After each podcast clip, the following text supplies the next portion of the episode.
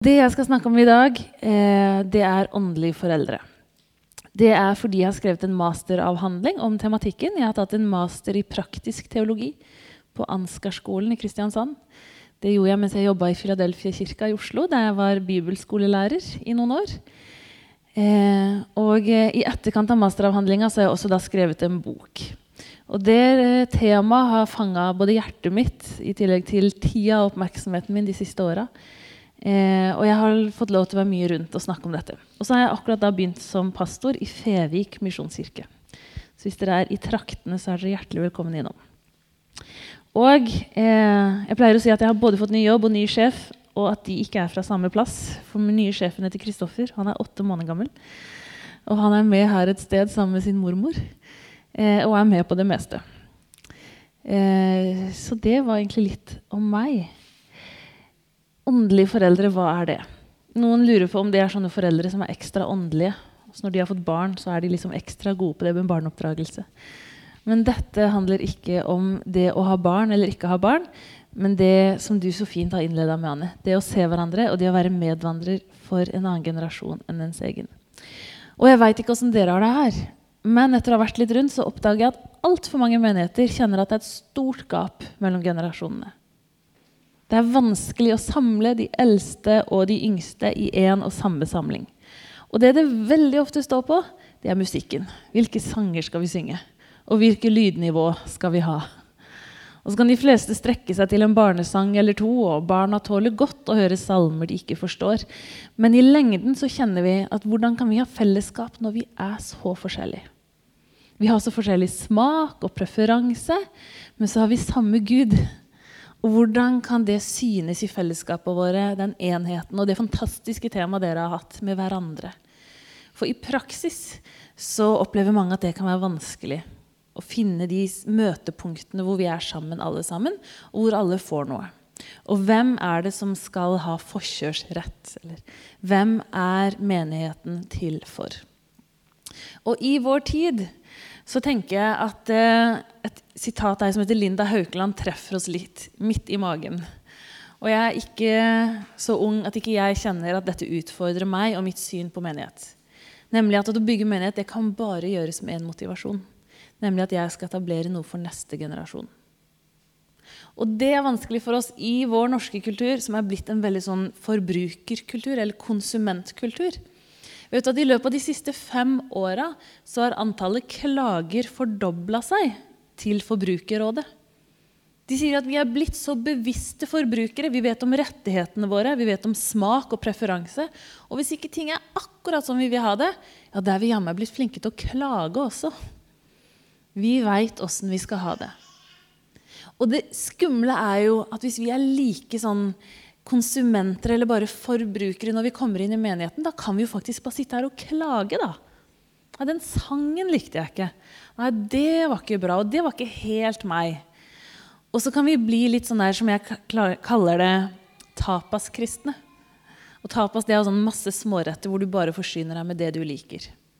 Og hvis menighetslivet blir sånn at vi tar bare akkurat de bitene vi liker, og så gidder vi ikke gå på det som ikke er helt spesialdesigna av oss, da mister vi hverandre.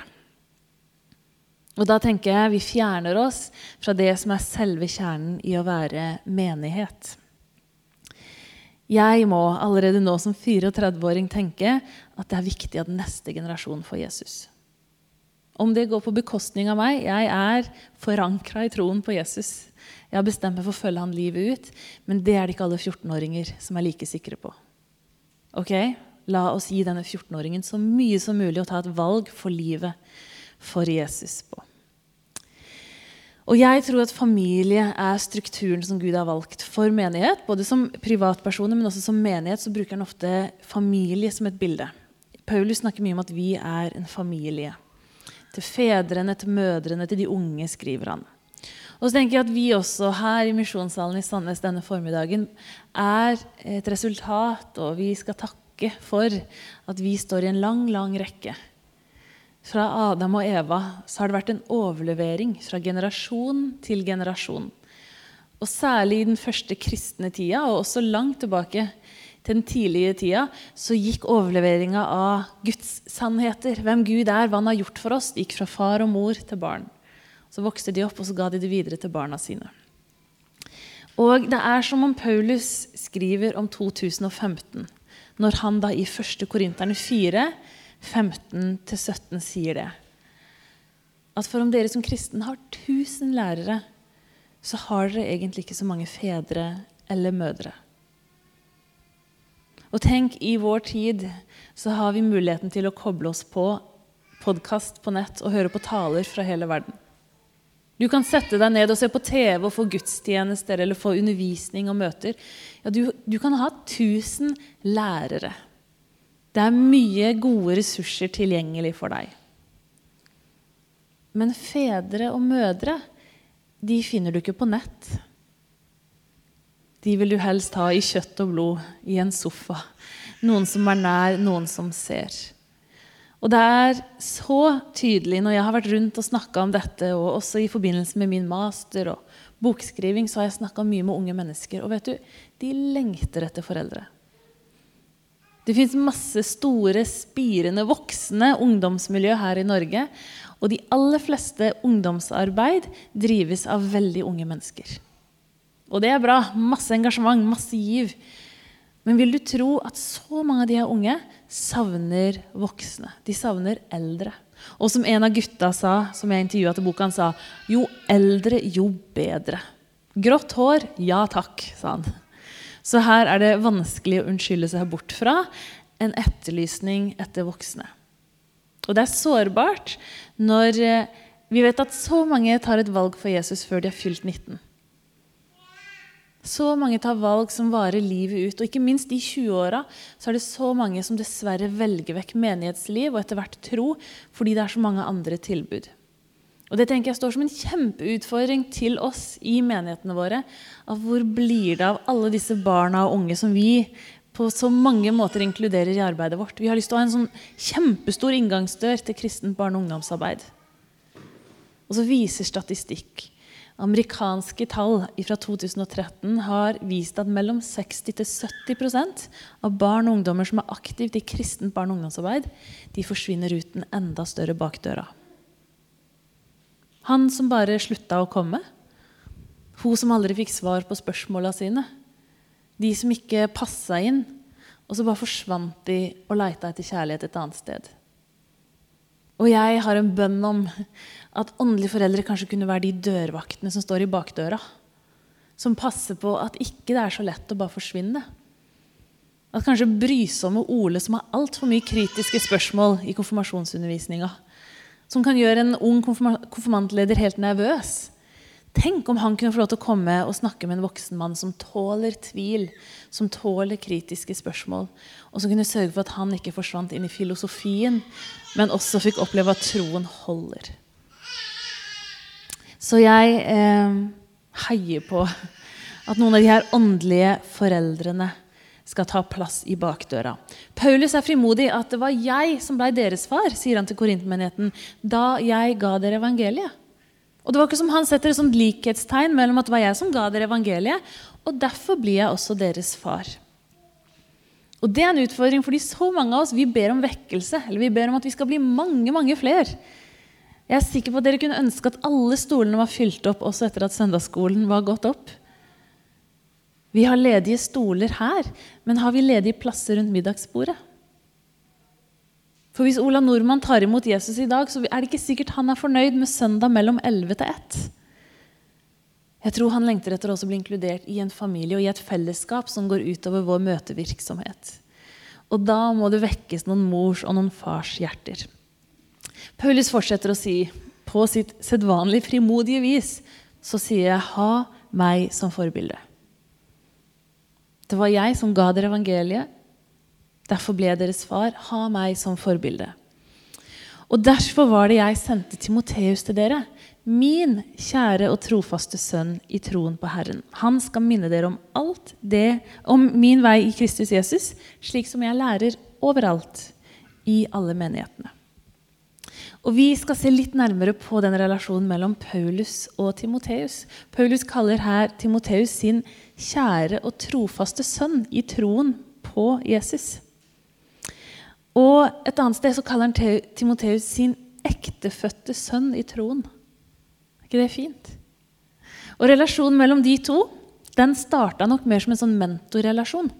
Det står at Paulus traff Timoteus når han kom til Lystra i Apostlenes gjerninger 16. Og da står det at han kom, Paulus kom fram til Derbe og Lystra. Der var det en disippel, altså en Jesus-etterfølger, som het Timoteus. Hans mor var en kristen jøde, og faren var greker.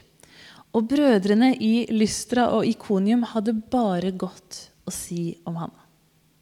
Det står at det var Timoteus sin mor og mormor som hadde lært Timoteus opp i Skriftene. Og at han allerede som ung gutt hadde de eldste lagt hendene på han og velsigna det kallet som var over livet til Timoteus. Og så var Timoteus sannsynligvis en ganske ung tenåring når han møter Paulus for første gang.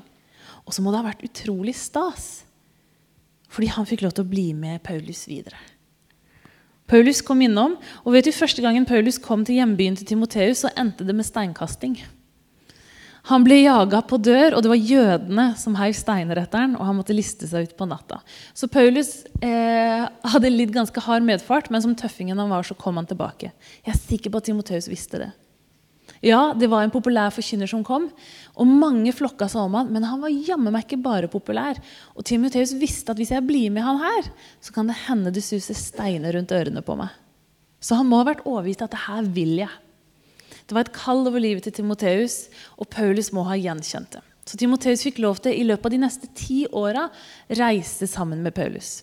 Og jeg kan tenke meg at det begynte med som en sånn Paulus eh, var rundt og prekte og talte. Og Timoteus satt kanskje på første rad og var klar med vannflaska hans kanskje, og tok notater av talene. Og, og i, på veien hjem så fikk han lov til å stille alle spørsmål han hadde etter talen. Og så står det at Paulus lærte Timoteus alt han kunne. Og så må det ha utvikla seg fra en sånn mentor- og protesjé-relasjon til å bli noe som var mye mer kjært. For etter hvert så betror faktisk Paulus Timoteus som pastor til Efesus. Og Paulus eh, sier Timoteus, du, min ektefødte sønn i troen.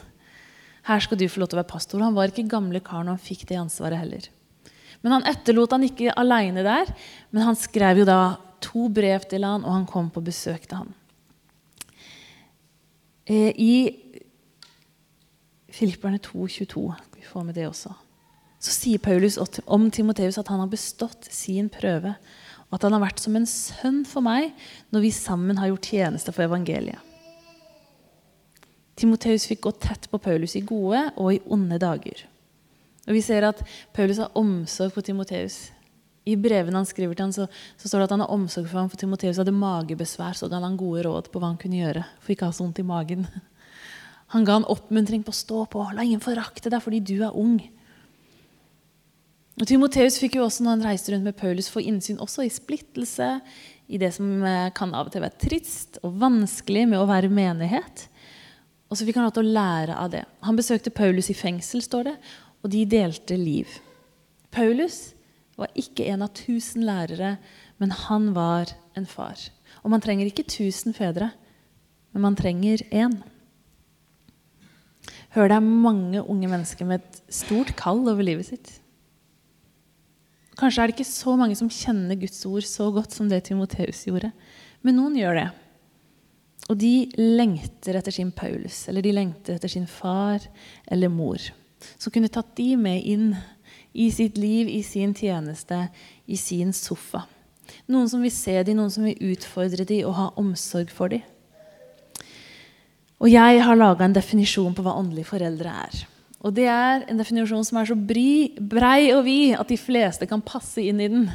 Her er det ikke så mange smutthull.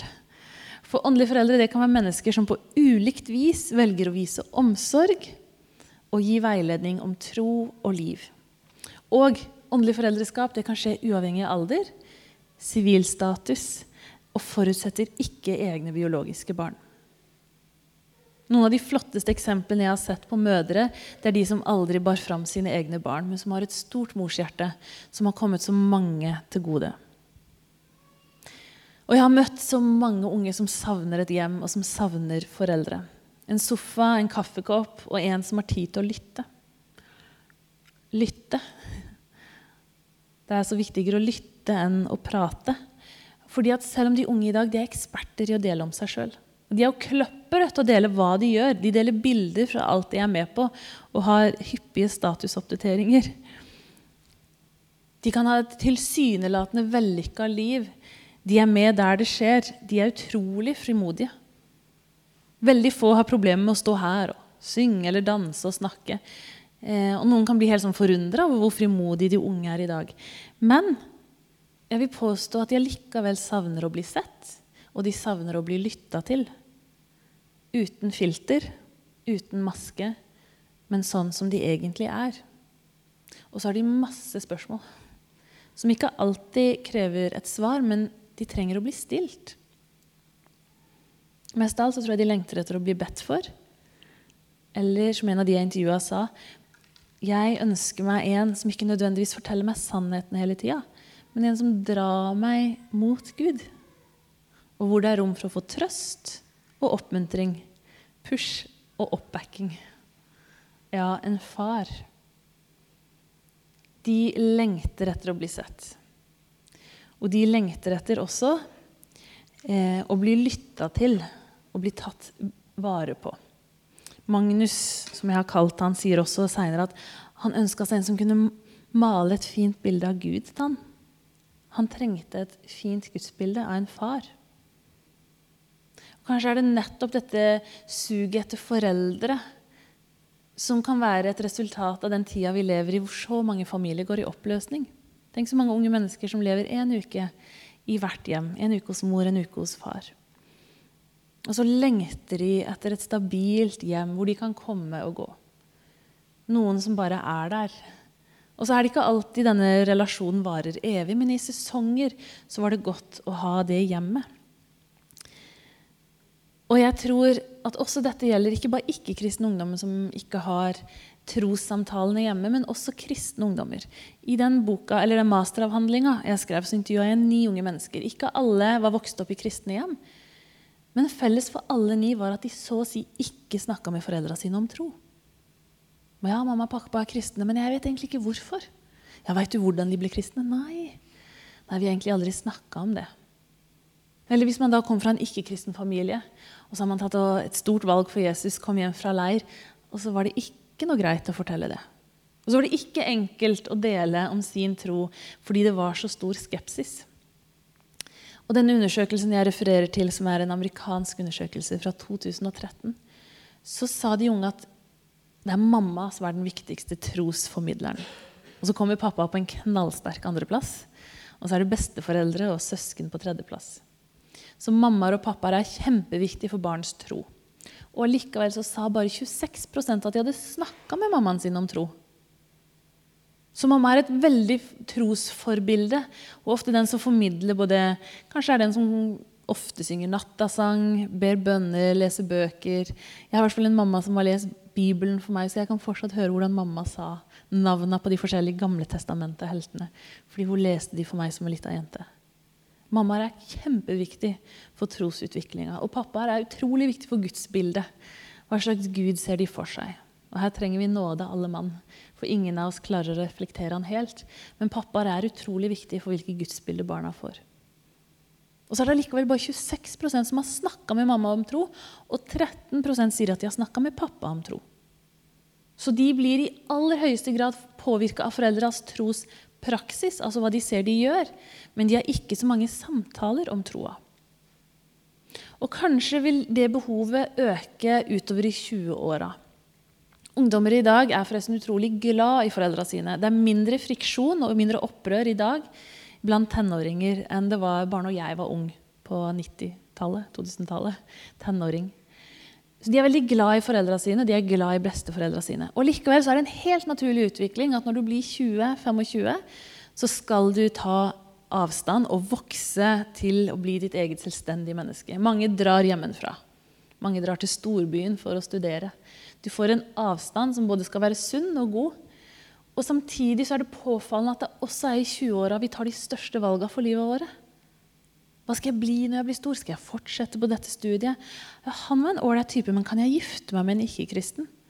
Hvor skal jeg bosette meg? Hvem skal jeg være? Hva skal jeg tenke om det å bli med på fest etter møtet? Er det greit? Mamma og pappa er langt borte, og noen syns kanskje det er godt. Andre savner de. Men i 20-åra er kanskje det tiåret hvor vi tar de største valga for livet våre. Og de jeg intervjua, som alle var i 20-åra og akkurat hadde bikka over, de sa at det var påfallende hvor få de kjente i en annen aldersgruppe enn sin egen. Jeg går egentlig bare sammen med jevnaldrende, sa de. Ja, Vi har til og med spesialtilpassa studentmøter, sånn at de trenger bare å gå på møte med hverandre. Og så går de på studie med like gamle elever som seg selv. De bor i kollektiv med like likesinna. Og så sier de at de savner de eldre. De savner noen voksne. Og det slår ikke feil at hvis du på et studentmøte inviterer inn et foreldrepar, gjerne med noe grått hår, som står som forbedre, så er det den garantert lengste køen. For de føler seg ganske foreldreløse i en livsfase hvor de trenger råd. Ok, De har ikke lyst til å bli som mamma og pappa, men hvem skal de spørre om råd? Og Noen vil kjenne at det er godt med den medvandringa. Og likevel så var det noen som uttalte som jeg med, at ja, jeg trenger han kompisen min som holder meg ansvarlig. Men vi er jo egentlig på samme sted. Jeg skulle så gjerne ha noen som hadde gått et par steg foran. Sjøl var jeg bare 26, bibelskolelærer i Filadelfia-kirka i Oslo. Og på første sommerfesten, avslutningsfesten, så ble jeg for første gang takka og kalt en mor. Du har vært som en mor for meg. Og jeg skjønte ingenting. Jeg var, var fire-fem år eldre enn de her jentene, og så kalte de meg mor. Og jeg klarte jo selvfølgelig å tolke det litt negativt. Hadde jeg mast så mye? Var jeg skikkelig kjedelig?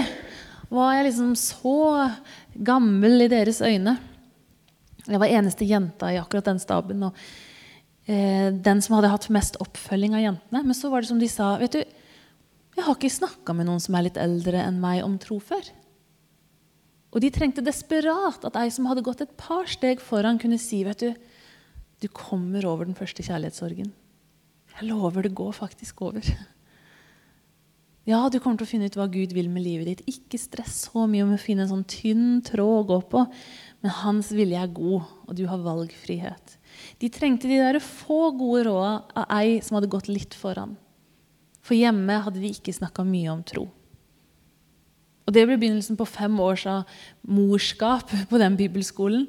Men også en åpenbaring av hvor utrolig sultne unge mennesker i dag er på voksenkontakt. Og ikke minst en erkjennelse av hvor tung, tung bagasje veldig unge mennesker kommer med inn i bibelskoler, blant annet. Så de lengter etter voksne, selv om de jo kan se veldig vellykka og selvsikre ut fra utsida. Ei av de sa med et sukk, der vi satt en åtte-ni stykker i ring på hver vår mobil og var sammen. Og så så på mobilen sin, så sukka og sa åh, jeg kunne ønske jeg var så lykkelig som jeg ser ut som på Instagram. Instagram er en bildedelingsapp hvor du kan legge ut bilder fra de beste øyeblikka. Så kan du lage et sånt fint filter på, så det ser enda mer idyllisk ut. Og du tar selvfølgelig bare bilde av de fine, fine øyeblikka. Gjerne dandert. Noen opplever du faktisk helt bortkasta å lage et godt måltid mat hvis man ikke har tatt bilde av det og lagt det ut først. før du spiser det. Og denne jenta falt for sin egen løgn. Jeg kunne ønske jeg var så lykkelig som jeg ser ut som på nett. Og mange godt voksne lar seg også lure. Ah, de unge er så kloke i dag. De fikser livet. Se så frimodige de er, se så trygge de er på seg sjøl. De stiller jo gjerne opp på TV og Idol og sangkonkurranser uten å kunne synge ei rein tone de er fulle av sjøltillit. De er drevne på teknologien. De kan liksom de nye sånn duppeditt-kunnskapene. Og de stiller ofte forrest i køen på arbeidsmarkedet. Det er de som er liksom målgruppa for motebildet. Altså de har stilen motemessig. De fleste vil se unge ut. Vil ligne litt på deg. De, de veit å se bra ut òg. De veit hva som er inn og ikke. Men Alt dette skjuler en usikkerhet og en foreldreløshet og en lengten etter tryggheten fra noen som har levd lenger enn de sjøl.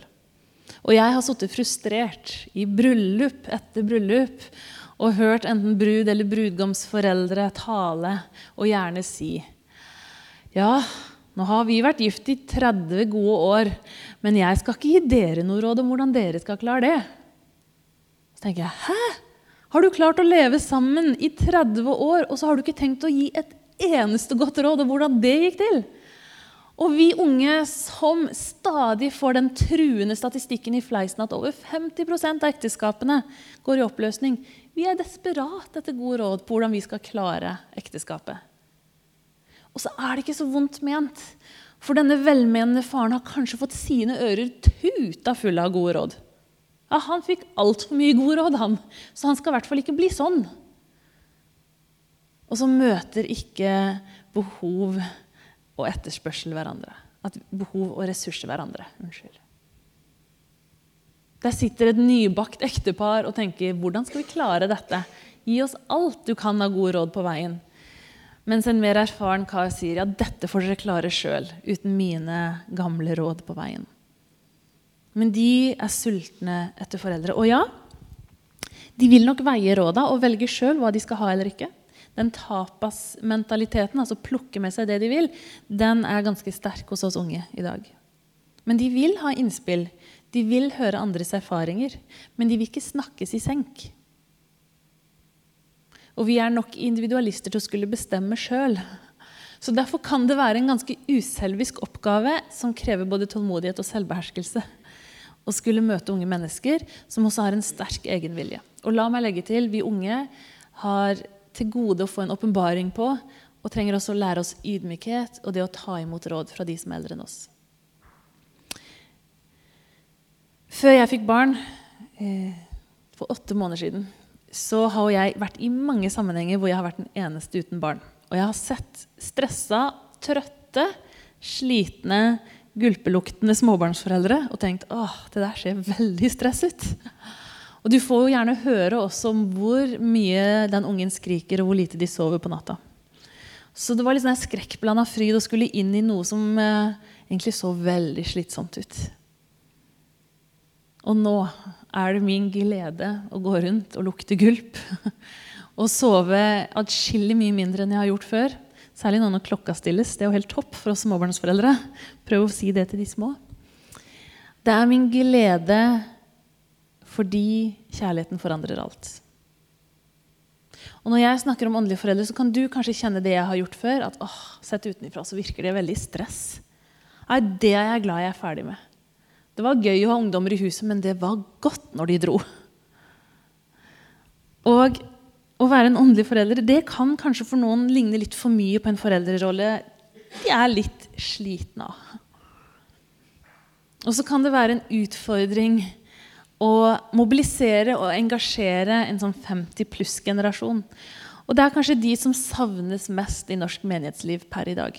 De aller fleste forsamlinger og menigheter de kjenner et stort hull av det hvor er det blitt av 50- og 60-åringene våre. Veldig mange av de har sammen med de som er enda eldre, vært med å bygge lokalene vi er i. De har bygd opp så mange av dette landets bedehus og kirker. De har stekt så mye vafler, de har gjort så mye dugnad, de har laga så mange julemesser. Og så har en del av de sagt nå er det tid for at yngre krefter overtar. Og så har de med god samvittighet heller dratt på hytta.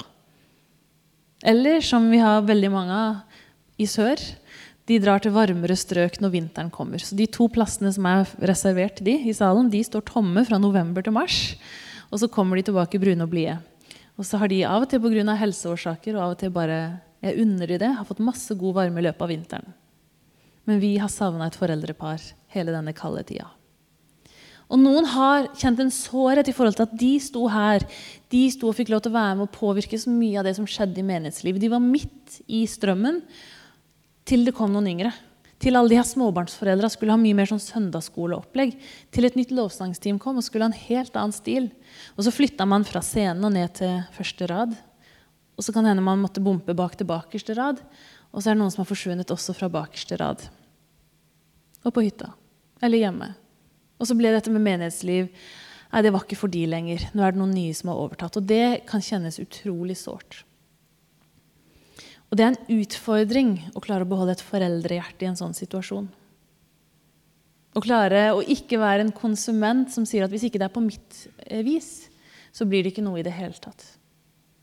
Og tro du meg, Jeg må øve meg i dag på å bli den gamle dama jeg en gang skal bli, og også gi rom til det som ikke er min stil, min preferanse, men å ha hele tida neste generasjon i fokus. Så dette snakker jeg til meg sjøl på hvem er det jeg lever for, og hvem er menigheten til for. Og vi har et utrolig forbilde i han som eh, sier at vi skal få lov til å rope 'far' til han. Tenk på Jesus som ga avkall på sitt eget og ble menneske. Det blei så stusslig i forhold til det han hadde i himmelen. Og så står det at han som har gitt navn til alt som heter far og barn i himmel og på jord. Og så utfordrer han oss, tror jeg, på om vi også kan ha dette foreldrehjertet. Og av og til rett og slett gi avkall på vårt eget for at de som kommer etter oss, skal få Jesus. Eh, for at også de skal bli hans barn. Og så er det mange unnskyldninger og dette hjertet må være på plass, og allikevel så er det så mange unnskyldninger for at ikke vi skal være åndelige foreldre. Og vet du, Når jeg har vært rundt og snakka om dette, så er det kanskje én unnskyldning som kommer oftest og lettest opp når jeg snakker med godt voksne. Og de er åh, vet du, jeg er så dårlig på data, så jeg tror ikke det går. Så har jeg tenkt hæ, du er så dårlig på data, og derfor Ja, nei, for de unge de, de har så peiling på dette med det tekniske. Og de sitter med mobilene hele tida. Det er mange som så vidt har funnet lydløs-knappen på sin mobil under gudstjenesten. Og kan kjenne rett og slett på en litt sånn dårlig sjøltillit i forhold til at selv toåringen i familien er kjappere på iPaden enn det bestefar er. De får det utrolig kjapt inn i fingrene. Og så var det som ei av de jeg intervjua i boka, sa vet du, jeg har valgt å snu det, for jeg er så dårlig på data at det er jo helt perfekt for meg å være sammen med unge mennesker som kan lære meg litt. Og så Istedenfor å snu det til å være en sånn der dårlig selvtillit-greie, så tenkte hun vet du, da kan han lære meg noe. Men du må aldri la deg lure til å tro at det er teknisk duppeditt-kunnskap som er viktig å kunne her i livet. Det er ikke på Facebook du finner livsvisdom. Faktisk De viktigste tinga du trenger å lære her i livet, det finner du ikke ved å google det. Unge mennesker lever i dag utrolig mye av livet sitt på nett. Det er en kjempepåvirkningskilde i livet deres. Men de er veldig klare på at en klem skrevet i et chatteprogram er noe helt annet enn en klem opplevd. Og Flere og flere av de er bevisst på at det er en sånn illusjon som leves på nett, og så fins det en virkelighet. Så Du kan se vellykka ut i en arena og være utrolig ensom og usikker i en annen. Og Vi trenger å møte unge mennesker i, i levende livet på den arenaen hvor vi faktisk møtes. Og der kan jeg bare betrygge deg om det fins utrolig få tenåringer som kommer til å komme til deg og tenke her har jeg en dataekspert jeg har lyst til å lære alt av. Men jeg tror den kan se her er det mye liv. Her er det mye erfaring som jeg trenger. Her er det noen som har erfart at Gud holder både i gode og onde dager, og det trenger de å lære. Så vær frimodig selv om du ikke er god på data. En annen unnskyldning for ikke å være en far eller mor det kan jo rett og slett være at ja, det her kunne jeg også trengt, og det har jeg aldri hatt. Dette fokuset på medvandring og se de unge, det skulle de jammen hatt når jeg var ung. Og hvis ikke jeg har fått det, så vet jeg heller ikke om jeg kan gi det. Og jeg tror at vi må søke en annen kilde enn hverandre for å være foreldre.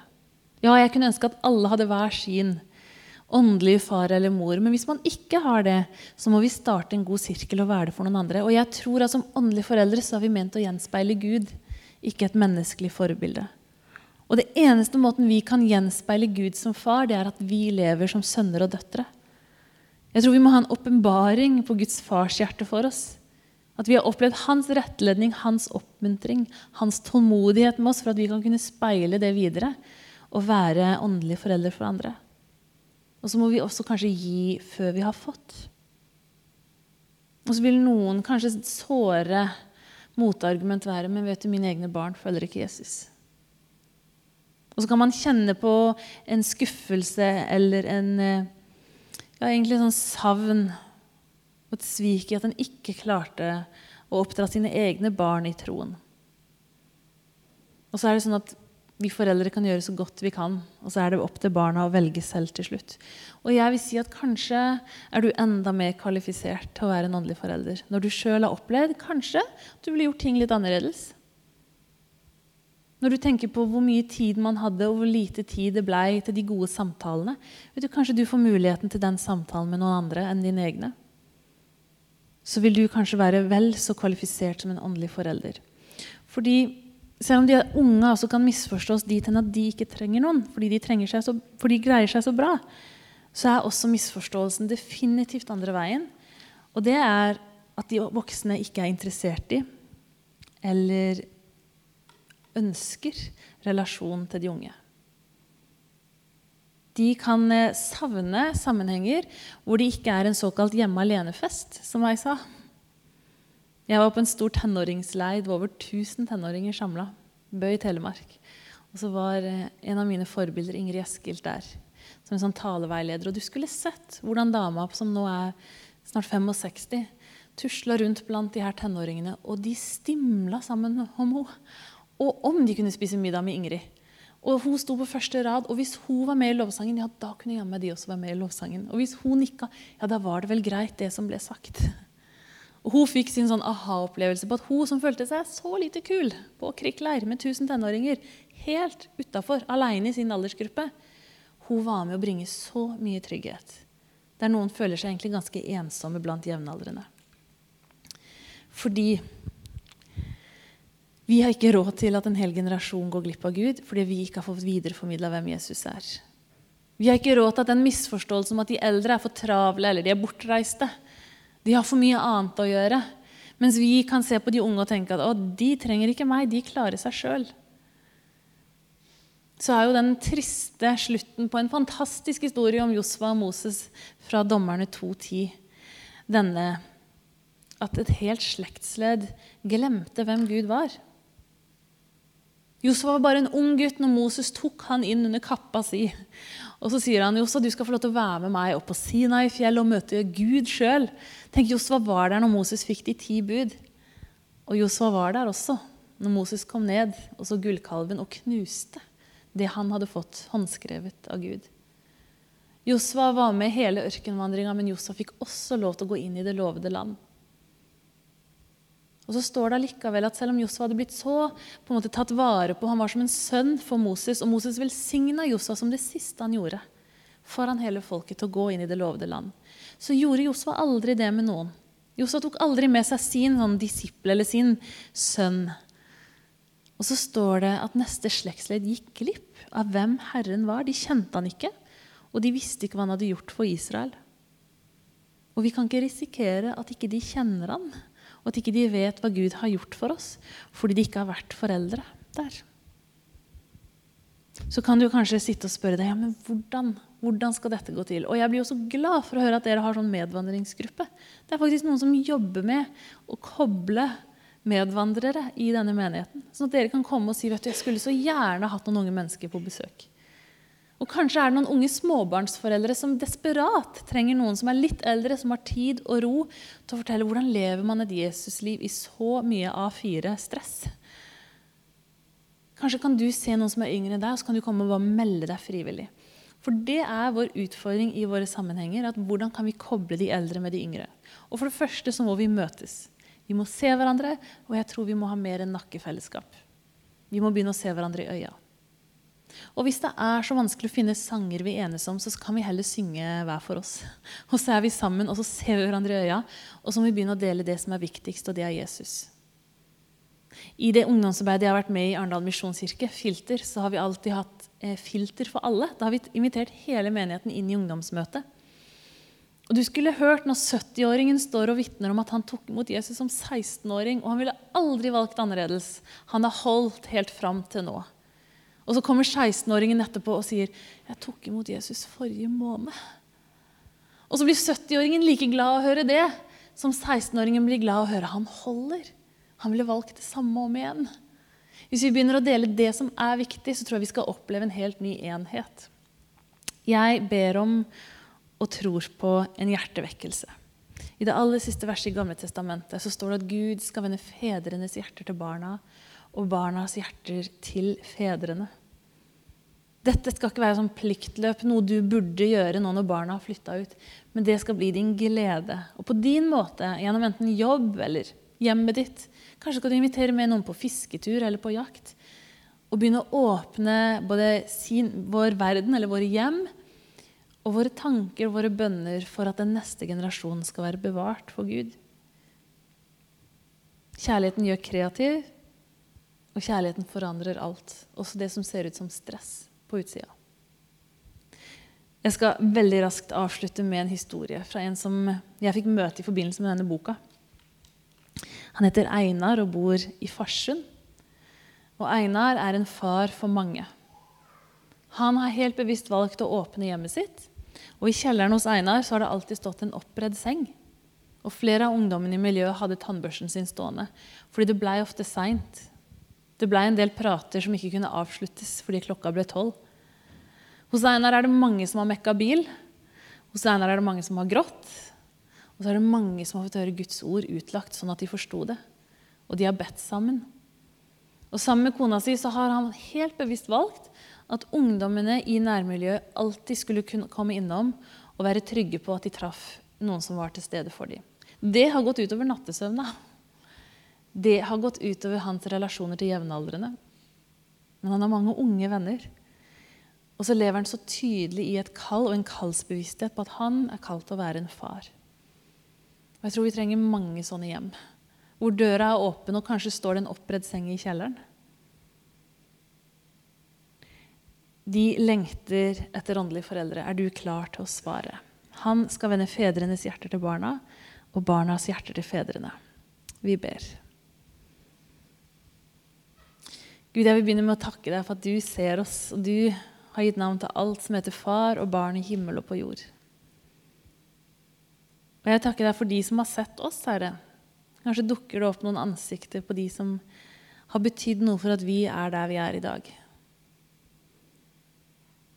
Og Gud, jeg har bare lyst til å be deg om å velsigne og oppmuntre de her som allerede er foreldre. For både sine egne barn, men kanskje også for flere. Herre, la, du, la de få kjenne at du bare dytter de i ryggen og heier de fram og velsigner det de gjør. Som kan virke så naturlig og lite og enkelt, men som kan bety så utrolig mye. Og så ber jeg også om at det skal være en hjertevekkelse, hvor våre hjerter snus til hverandre, Herre. Hvor vi begynner å se hverandre på en ny måte. Hvor fellesskapet ikke bare er begrensa til innenfor disse veggene, men at vi åpner opp dører og hjerter og hverdagsliv for hverandre, Herre, sånn at du kan virke gjennom oss. Og for vi vil ta på alvor at det vokser opp en generasjon som trenger å få lære å kjenne deg og som trenger å få vite sannheten om hvem du er og din karakter, Herre. At du holder i både de gode og de dårlige dagene. Og vi vil ikke la det skje på vår vakt at en hel generasjon ikke får kjenne deg og får vite hva du har gjort for dem, Jesus. Kom og skap det som bare du kan skape, og la oss kjenne en smak av himmel. At ditt rike kommer, og din vilje skjer i og gjennom oss. Amen.